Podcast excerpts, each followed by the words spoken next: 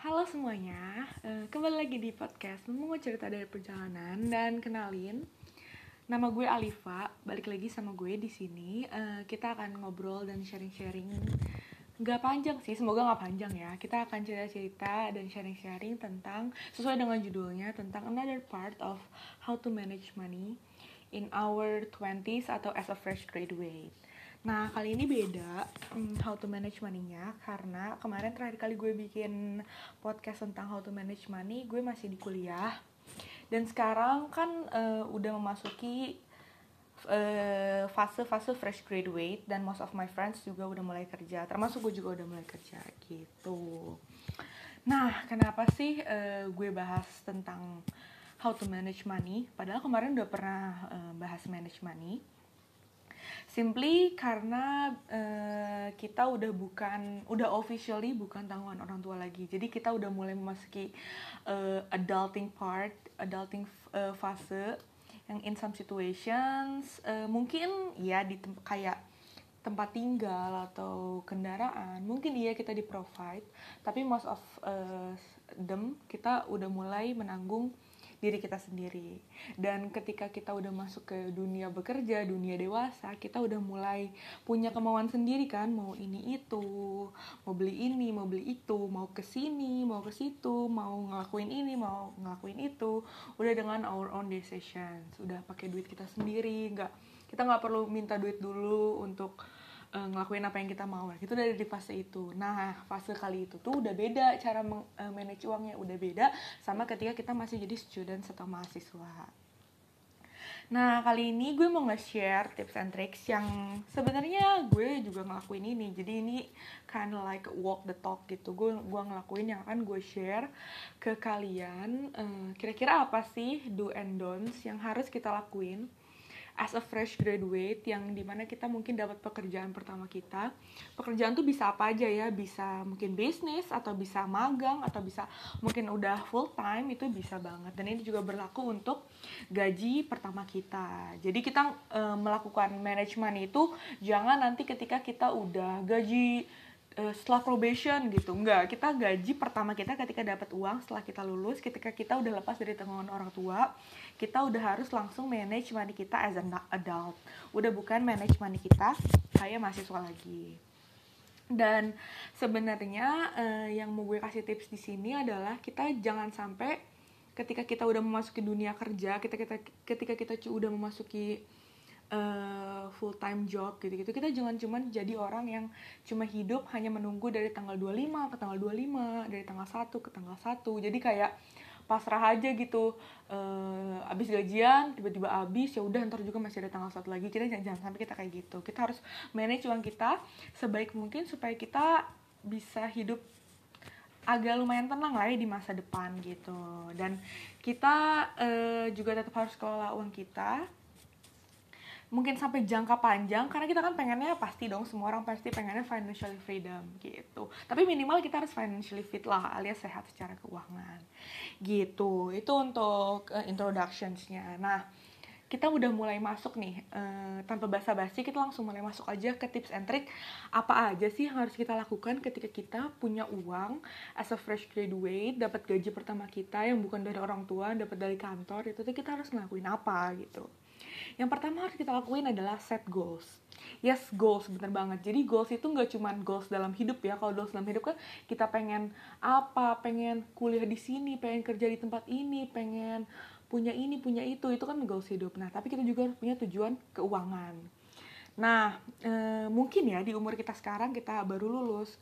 Di umur kita sekarang nggak mungkin kita tujuan ke keuangannya untuk kayak mikirin anak sekolah, buat bayar uang anak sekolah, pengen sekolahin anak di sekolah internasional atau uh, tujuan keuangan kita untuk uh, istri lahiran gitu kan nggak mungkin kan. Tapi even kita nggak punya tujuan yang seperti itu, kita tetap harus punya tujuan keuangan di stage mana pun, di umur berapapun kita tetap punya tujuan keuangan. Nah tujuan keuangan itu buat apa sih ya? Uh, mungkin kalian udah tahu tentang law of attractions atau hukum ketertarikan di mana ketika kita punya mimpi dan kita akan sebut-sebut terus kita akan share-share terus dan itu totally okay. Menurut gue itu totally okay buat sharing mimpi kita ke orang lain. Tapi yang gak harus ke halayak dunia ramai kita eh gue pengen punya mimpi ini yang gak harus ya gitu. Kayak minimal at least ke close friend ke family. Ya kita harus sharing lah kita pengen punya mimpi ini dan tujuan keuangan pun juga harus di share gitu. Kayak uh, beberapa tahun lagi aku pengen ini pengen itu itu uh, harus di share jadi uh, itu sangat penting banget buat kita. Ketika kita punya uang kita tahu tujuan kita nih uang nih mau diapain? Gitu kan. Gak mungkin kita cuman uh, dapat uang terus kita langsung habisin. Nah bedanya sekarang sama waktu kita masih SMA eh SMA or even kuliah gitu kita kan sama-sama punya duit nih. Tapi bedanya adalah ketika kita udah uh, dewasa sekarang kita harus punya tujuan keuangan yang lebih panjang lagi. Mungkin dulu kita waktu punya eh waktu kita kuliah kita dapat gaji dari orang tua eh, mungkin tujuan keuangan kita ya receh-receh gitu. Pengen mungkin pengen jalan jalan-jalan sama teman-teman ke misalnya kalau dulu gue di Unpad gue pengen jalan-jalan ke Bandung kayak gitu-gitu. Itu uh, salah satu tujuan keuangan waktu mahasiswa. Tapi kalau ketika kita udah dewasa kita kan udah semakin masa depan kan. Kita akan di mana kita akan berkeluarga kita punya tujuan-tujuan lain mungkin mau sekolah lagi dan something else gitu. Kita harus tentuin tujuan keuangan itu. Nah tujuan keuangan ini dibagi jadi dua. Yang pertama sebagaimana tujuan pada umumnya ya tujuannya itu dibagi menjadi dua yang pertama yaitu tujuan jangka pendek. Nah, tujuan jangka pendek itu contohnya apa gitu.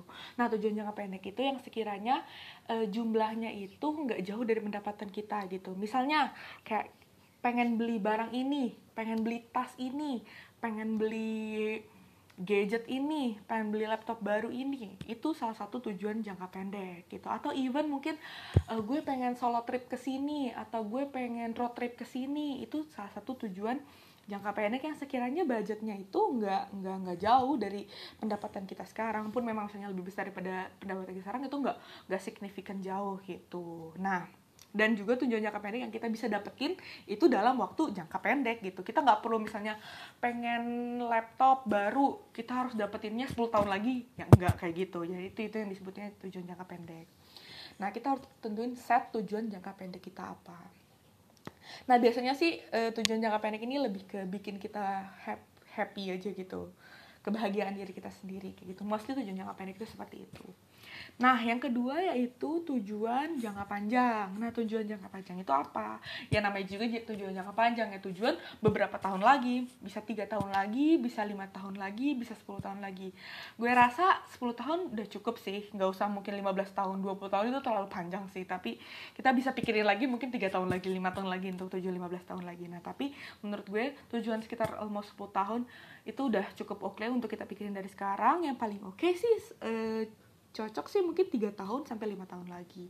Nah apa sih yang kita mau achieve di tiga tahun lagi? Mungkin kita mau misalnya kita mau sekolah lagi di luar negeri misalnya kita kan harus nyiapin biaya nah itu salah satu tujuan keuangan atau mungkin kita mau nikah atau kita mau uh, beli sesuatu yang uh, di lima tahun lagi mungkin apartemen atau mungkin mobil kayak gitu itu itu bisa banget jadi tujuan jangka panjang gitu. Jadi tujuan jangka panjang lebih ke yang kalian kira-kira akan achieve di usia kalian umur 25 26 lah sampai around 30-an gitu. Kira-kira kalian tuh mau apa gitu di sana gitu.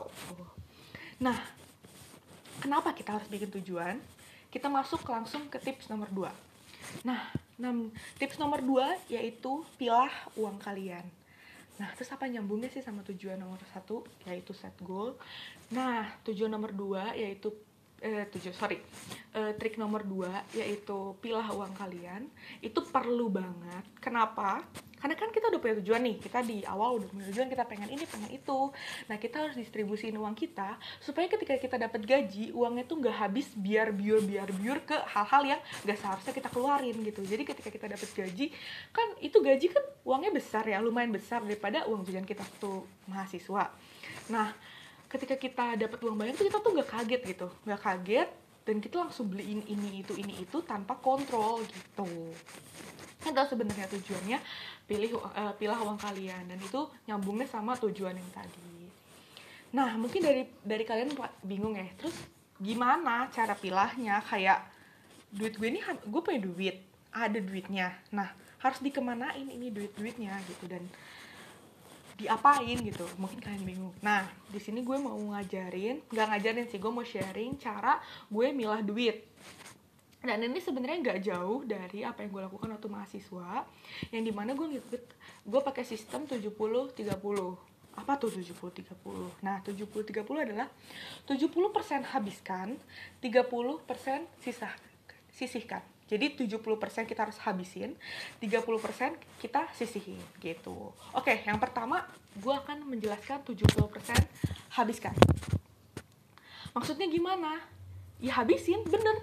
Itu 70% dari gaji kita kita bener-bener harus habisin. Maksudnya habisin tuh ya kita harus bikin diri kita happy gitu. Kita udah kerja keras selama sebulan mungkin 9 to 5 weekday capek uh, bolak-balik ke kantor terus kita nggak bahagia terus apa buat apa? Makanya 70% itu harus dihabiskan. Nah tapi kita harus smart spending juga.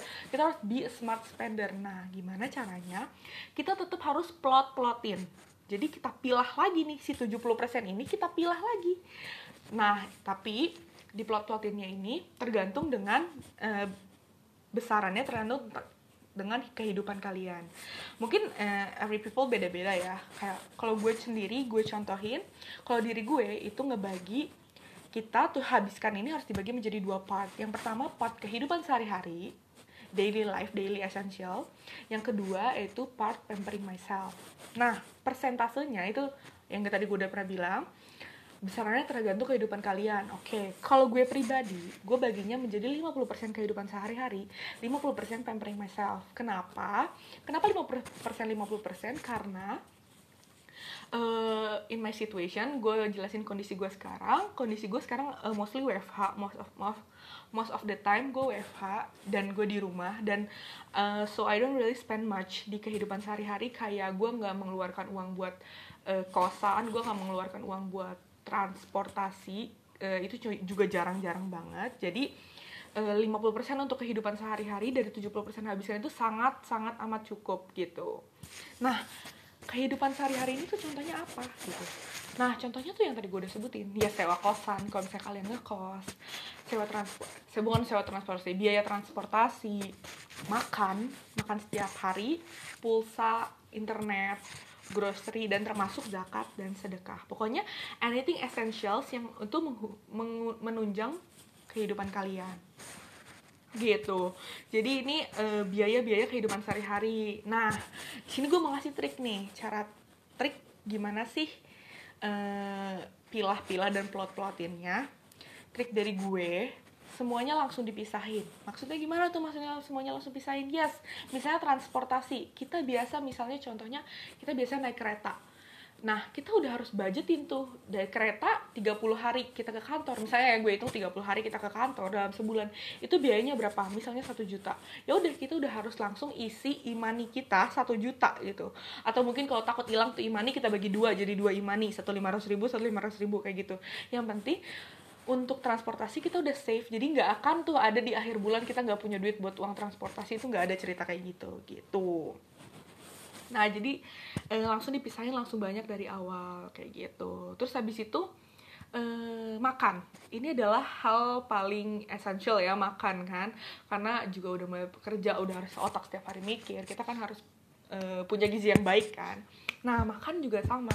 Kita harus budgetin kepada diri sendiri. Kita makan itu satu kali makan berapa ribu gitu. Dalam dalam satu hari kita harus makan berapa ribu gitu. Kita harus budgetin. Misalnya kita makan satu kali sehari itu satu kali makan 25 ribu misal ya ini. Terus habis itu e, tiga kali makan berarti budget kita 75 ribu. Nah pada suatu hari dalam satu hari kita makan 100 ribu nih berarti kan defisit kan nah besok juga berarti besoknya kita harus ngirit sejumlah 25 ribu karena kita kemarin udah spending too much gitu nah emang sih kayak ribet gitu ya Uh, tapi ketika kita udah ngelakuin kita ketika kita udah disiplin sama diri sendiri kalau kita makan harus 25 ribu itu enggak enggak susah gitu. Nah tapi juga jangan sampai don't be so hard on yourself gitu. Jangan terlalu diirit-iritin banget. Jadi kayak makan jadi diirit-irit jadi nggak bergizi nggak empat sehat lima sempurna supaya pengen irit yang nggak kayak gitu juga gitu. Tetap harus sesuai lah sama diri kalian gitu sesuai dengan budget. Uh, jangan di terlalu diirit-iritin. Yang penting yang poin gue adalah selalu bikin budget in every spending gitu. Nah uh, termasuk budget-budget yang lain misalnya kayak sewa kosan kalau bisa abis gajian langsung bayar tuh ke ibu kosan uh, sewa kosannya supaya nanti nggak ada tuh cerita di akhir bulan nggak bisa bayar kosan karena uangnya kepake itu nggak ada cerita kayak gitu gitu. Jadi semua itu harus bener-bener dibayarin dulu untuk kehidupan sehari-hari gitu. Itu untuk kehidupan sehari-hari nah yang part paling seru dari 70% habiskan adalah pampering myself. Ini hal yang paling seru yang selalu ditunggu-tunggu dari setiap gajian karena eh, ini hal yang paling seru tapi juga ini sebenarnya hal yang paling susah dikontrol. Pokoknya pampering myself itu semua yang berhubungan sama kebahagiaan kita. Kita mau nongki sama teman-teman, oke. Okay.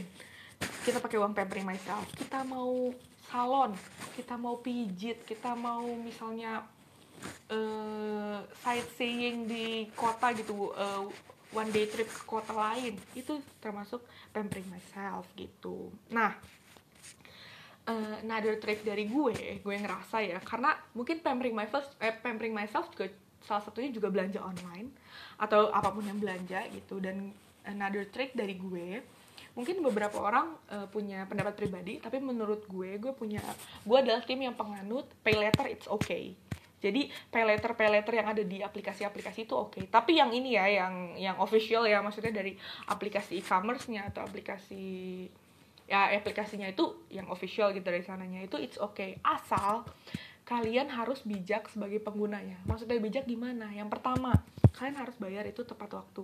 Karena sebenarnya pay letter itu kan something like utang kan mirip banget kayak utang. Jadi kalian harus bayar itu tepat waktu. Nah berarti sama aja sebenarnya kerjanya tuh kayak kartu kredit kayak kartu kredit kan kalau kalian bayarnya telat pasti kan nama kalian tuh di blacklist dari bank. Nah pay later juga bisa bekerja seperti itu gitu. Jadi yang pertama harus dilakukan kita harus bayar tepat waktu. Yang di mana ketika kita beres gajian kita harus cepet langsung bayarin pay later bulan sebelumnya. Walaupun itu belum jatuh tempo kita tetap harus bayar. Jangan sampai uangnya keburu habis dan kita nggak punya uang buat bayar pay later gitu. Dan pay later itu sebenarnya oke okay banget karena Uh, dia tuh ada budgetnya kan kita dikasih pinjaman berapa dan tapi kita harus kontrol diri gitu. Kita harus ada self control kalau kita harus misalnya kita belanja di shopee pakai pay letter kita pay letternya misalnya 500 ribu. Ya udah walaupun dikasih budgetnya 2 juta dari shopee kita tetap harus pakainya ya 500 ribu aja gitu. Itu lebih ke self control sih kalau misalnya uh, like pay, itu terus juga pampering myself bisa juga kayak arisan. Kalian bisa banget ikutin arisan bareng teman-teman. Karena itu sebenarnya sometimes, sometimes itu juga salah satu bentuk nabung ya. Jadi nabung yang nggak kerasa gitu tiba-tiba dapet gitu. Itu juga salah satu pampering myself yang smart spending gitu. Dan uh, another trick dari gue uh, mungkin ini uh, another uh, next levelnya lagi ya next level nggak lah nggak langsung gaji pertama kalian melakukan ini mungkin ntar di gaji yang kesekian kalian uh, cobalah. Gue nggak bilang uh, ya ini pendapat orang lagi-lagi beda tapi uh, kalian bolehlah coba untuk men, uh, mencicil suatu barang yang besar gitu. I mean aset ya menurut gue. Kalian mungkin harus uh, mulai coba untuk kayak uh, cicil motor atau cicil mobil itu itu itu oke okay banget ketika kita udah punya gaji. Kenapa? Karena somehow kalau misalnya kita pikirin ya kayak pengen beli mobil atau pengen beli motor harganya segini. Kalau nabung berapa lama tuh nggak akan kekumpul kekumpul kan? Atau even mau beli apartemen gitu. Kalau nabung nggak akan kekumpul kumpul tapi kita kalau misalnya cobain berani nyicil itu bisa banget uh, ngebantu uh, untuk ya kita dapat aset juga gitu. Dan itu juga sometimes jadi ngebantu kita untuk jadi nggak let it flow sama kehidupan gitu. Karena kita punya cicilan jadi kan kita harus semangat kan cari uang. Kalau bisa cari sumber income yang lebih banyak lagi gitu. Jadi itu mungkin bisa kalian uh, lakukan di uh, gaji setelah kalian mungkin udah kerja beberapa bulan gitu. Itu itu salah satu bentuk pampering uh, myself juga gitu. Itu uh, yang bagian 70% habiskan. Jadi ada 50% kehidupan dibagi menjadi 50% kehidupan sehari-hari. Yang selanjutnya 50% pampering myself gitu. Oke, okay, next yaitu 30% sisihkan. Sesuai namanya, sisihkan yaitu di awal jadi ketika kita punya uang yang harus kita lakuin pertama yaitu adalah ini menyisihkan si 30% ini sebelum tadi kita bicara uh, isi imani sebelum kita tadi bicara pay letter segala macam kita harus melakukan si 30% ini dulu. Nah sisihkan itu namanya sisihkan ya di awal. Kalau di akhir namanya nyisakan. Jadi kita harus menyisihkan uang kita ke mana? Gitu. nah mungkin ya kalian juga pada bingung ya nah ini sisihin ke mana? Nah sisihin ke mana? Yang gue bisa kasih tahu kita harus melakukan SIP yang di mana singkatannya adalah saving investment protection. Yang pertama ya kita kita bahas satu-satu dulu. Yang pertama itu saving. Atau nabung. Nah eh, nabung buat apa gitu tadi kan mungkin orang-orang bingung kali ya kalian juga bingung. Tadi kan di bagian pampering myself udah ada nabung buat tujuan jangka pendek. Terus ini nabung buat apa lagi? Nah nabung di sini juga bisa untuk bantu pampering yourself. It's okay banget nggak apa-apa. Nah tapi paling pentingnya tabungan di bagian SIP ini hanya eh, nggak hanya tapi mostly untuk dana darurat atau emergency money atau fast money. Jadi kayak ketika uh, kalian dihadapkan pada suatu kondisi mendadak yang membutuhkan banyak uang, tapi kalian lagi nggak pegang uang atau kalian lagi uh, tidak sebanyak itu uangnya atau mungkin di akhir bulan, nah tabungan ini bisa bisa membantu. Contohnya, misalnya kita ngerantau nih, terus habis itu tiba-tiba uh, orang tua suruh kita pulang gitu, nah kita terpaksa harus pulang, nah uangnya ya kita biaya pulang kan cukup mahal misalnya ke rumah. Nah kita bisa pakai uang dari uang saving itu. Atau misalnya kita punya kendaraan tiba-tiba kendaraan kita out of nowhere dia rusak dan butuh servis nah kita bisa pakai uang dari tabungan itu. Intinya si saving ini hal-hal darurat yang memungkinkan kita akan spend uang banyak gitu. Dan saving ini nggak harus dipakai ya setiap bulan. Jadi ya kita harus nabung terus setiap bulan tapi untuk dipakai ya jangan. Kalau misalnya nggak ada kebutuhan darurat yang nggak usah dipakai gitu. Jadi namanya juga nabung. Nanti sedikit sedikit lama-lama menjadi bukit gitu. Nah itu dari uh, saving bagian S. Selanjutnya ada uh, investasi atau investment ya bagian I Nah, investment itu untuk apa sih ya? Mungkin beberapa kali dari kalian juga udah tahu dan mungkin udah melakukan juga. Investment ini untuk tujuan jangka panjang. Nah, tadi kita udah sebutin kan, set goals. Tujuan jangka panjang. 3 tahun, 5 tahun, 10 tahun lagi kita mau ngapain? Nah, uangnya dari mana? Nah, uangnya kita sisihin dari investasi ini. Misalnya, kita mau nikah 5 tahun lagi.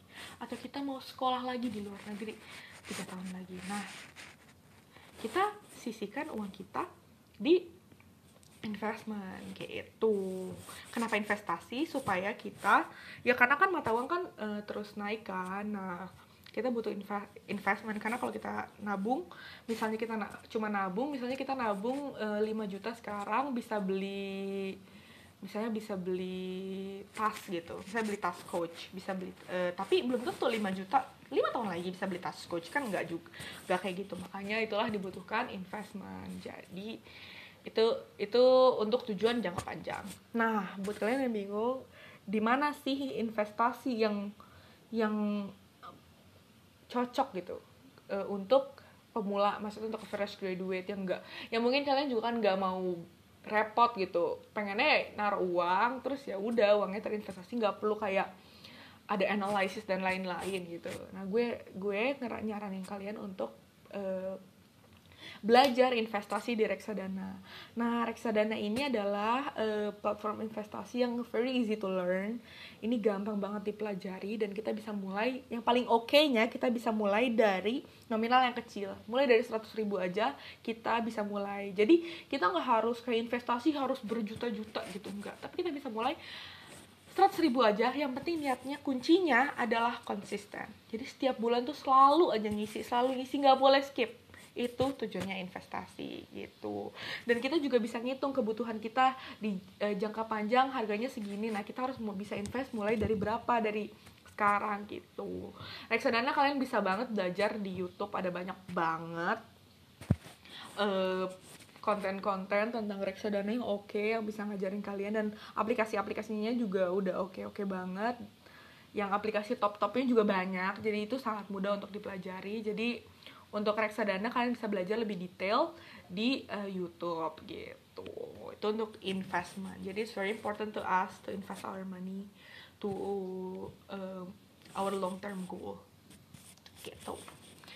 Nah itu bagian I atau investment. Dan yang terakhir bagian P atau protections. Nah bedanya apa sih protections ketika kita uh, dulu waktu gue uh, bikin podcast waktu masih mahasiswa gue bilang kalau misalnya kita nggak terlalu nggak uh, terlalu terfokus pada protection untuk di usia mahasiswa. Tapi ketika kita udah adult, ketika kita udah kerja, ini sangat sangat sangat wajib untuk proteksi diri kita. Kenapa? Karena kita sudah menghasilkan uang sendiri. Kita udah nabung buat diri kita sendiri. Kita punya banyak tujuan. Mungkin juga uh, in several situations kita udah menghidupi beberapa orang di keluarga mungkin Nah, ketika kita sakit, kita nggak mau dong uang kita yang tadinya udah kita tabung, udah kita invest, tiba-tiba ketarik semua buat bayar biaya rumah sakit. Kita nggak mau dong, ya kan? That's why sebagai seorang adult kita harus banget punya protection. Nah, protection ini apa sih? Gitu. Nah, protection ini simpelnya asuransi ya asuransi itu ada banyak asuransi jiwa asuransi kesehatan tapi kalau yang gue akan bahas sekarang ini lebih ke asuransi ke kesehatan ya nah asuransi kesehatan itu ada dua jenis yang pertama itu adalah BPJS dan swasta nah di kantor ketika kalian masuk kantor apalagi misalnya udah full time it's very important to ask the HR apakah kita dapat BPJS atau enggak gitu. Jadi mostly sih dapat da kalau dari kantor sih pasti dapat ya BPJS. Dan for me personally, I pay my own health insurance dari swasta juga. Uh, karena simply ada banyak benefit yang dari uh, asuransi swasta yang nggak bisa diberikan sama BPJS tapi gue punya dua gue bayar BPJS juga. BPJS karena kan dipotong gaji kan dari kantor dan swasta gue juga menyisikan uang gue untuk uh, asuransi swasta gitu. Jadi intinya uh, ketika kita udah dewasa ini perbedaan sama kita mahasiswa adalah kita harus banget punya protection gitu. Jadi ketika kita sakit kita tuh tidak merugikan orang lain tidak merugikan keluarga. Nggak masa ketika sakit kita harus minjem uang dulu ke ayah ibu. Kan nggak enak kan pasti. Atau ketika kita udah nabung capek-capek buat nikah eh tiba-tiba kita sakit masuk rumah sakit. Ya terus habis itu uangnya dipakai. Kan masa gitu kan nggak mungkin kayak gitu kan that's why kita harus punya protection. Gitu. Untuk further information about asuransi you can ask um, me uh, you can ask me freely atau kalian bisa cari-cari juga di internet tentang asuransi gitu nah Uh, itu tadi bagian 30% sisihkan, uh, S sebagai saving, I sebagai investment, dan B sebagai protections. Dan ini harus disisihin di awal, tidak boleh di akhir. Oke, okay, nah gue akan summarin lagi uh, apa yang gue udah uh, sharing tadi. Yang pertama itu kita jangan lupa set goals kita tentuin tujuan kita tujuan jangka pendek jangka panjang.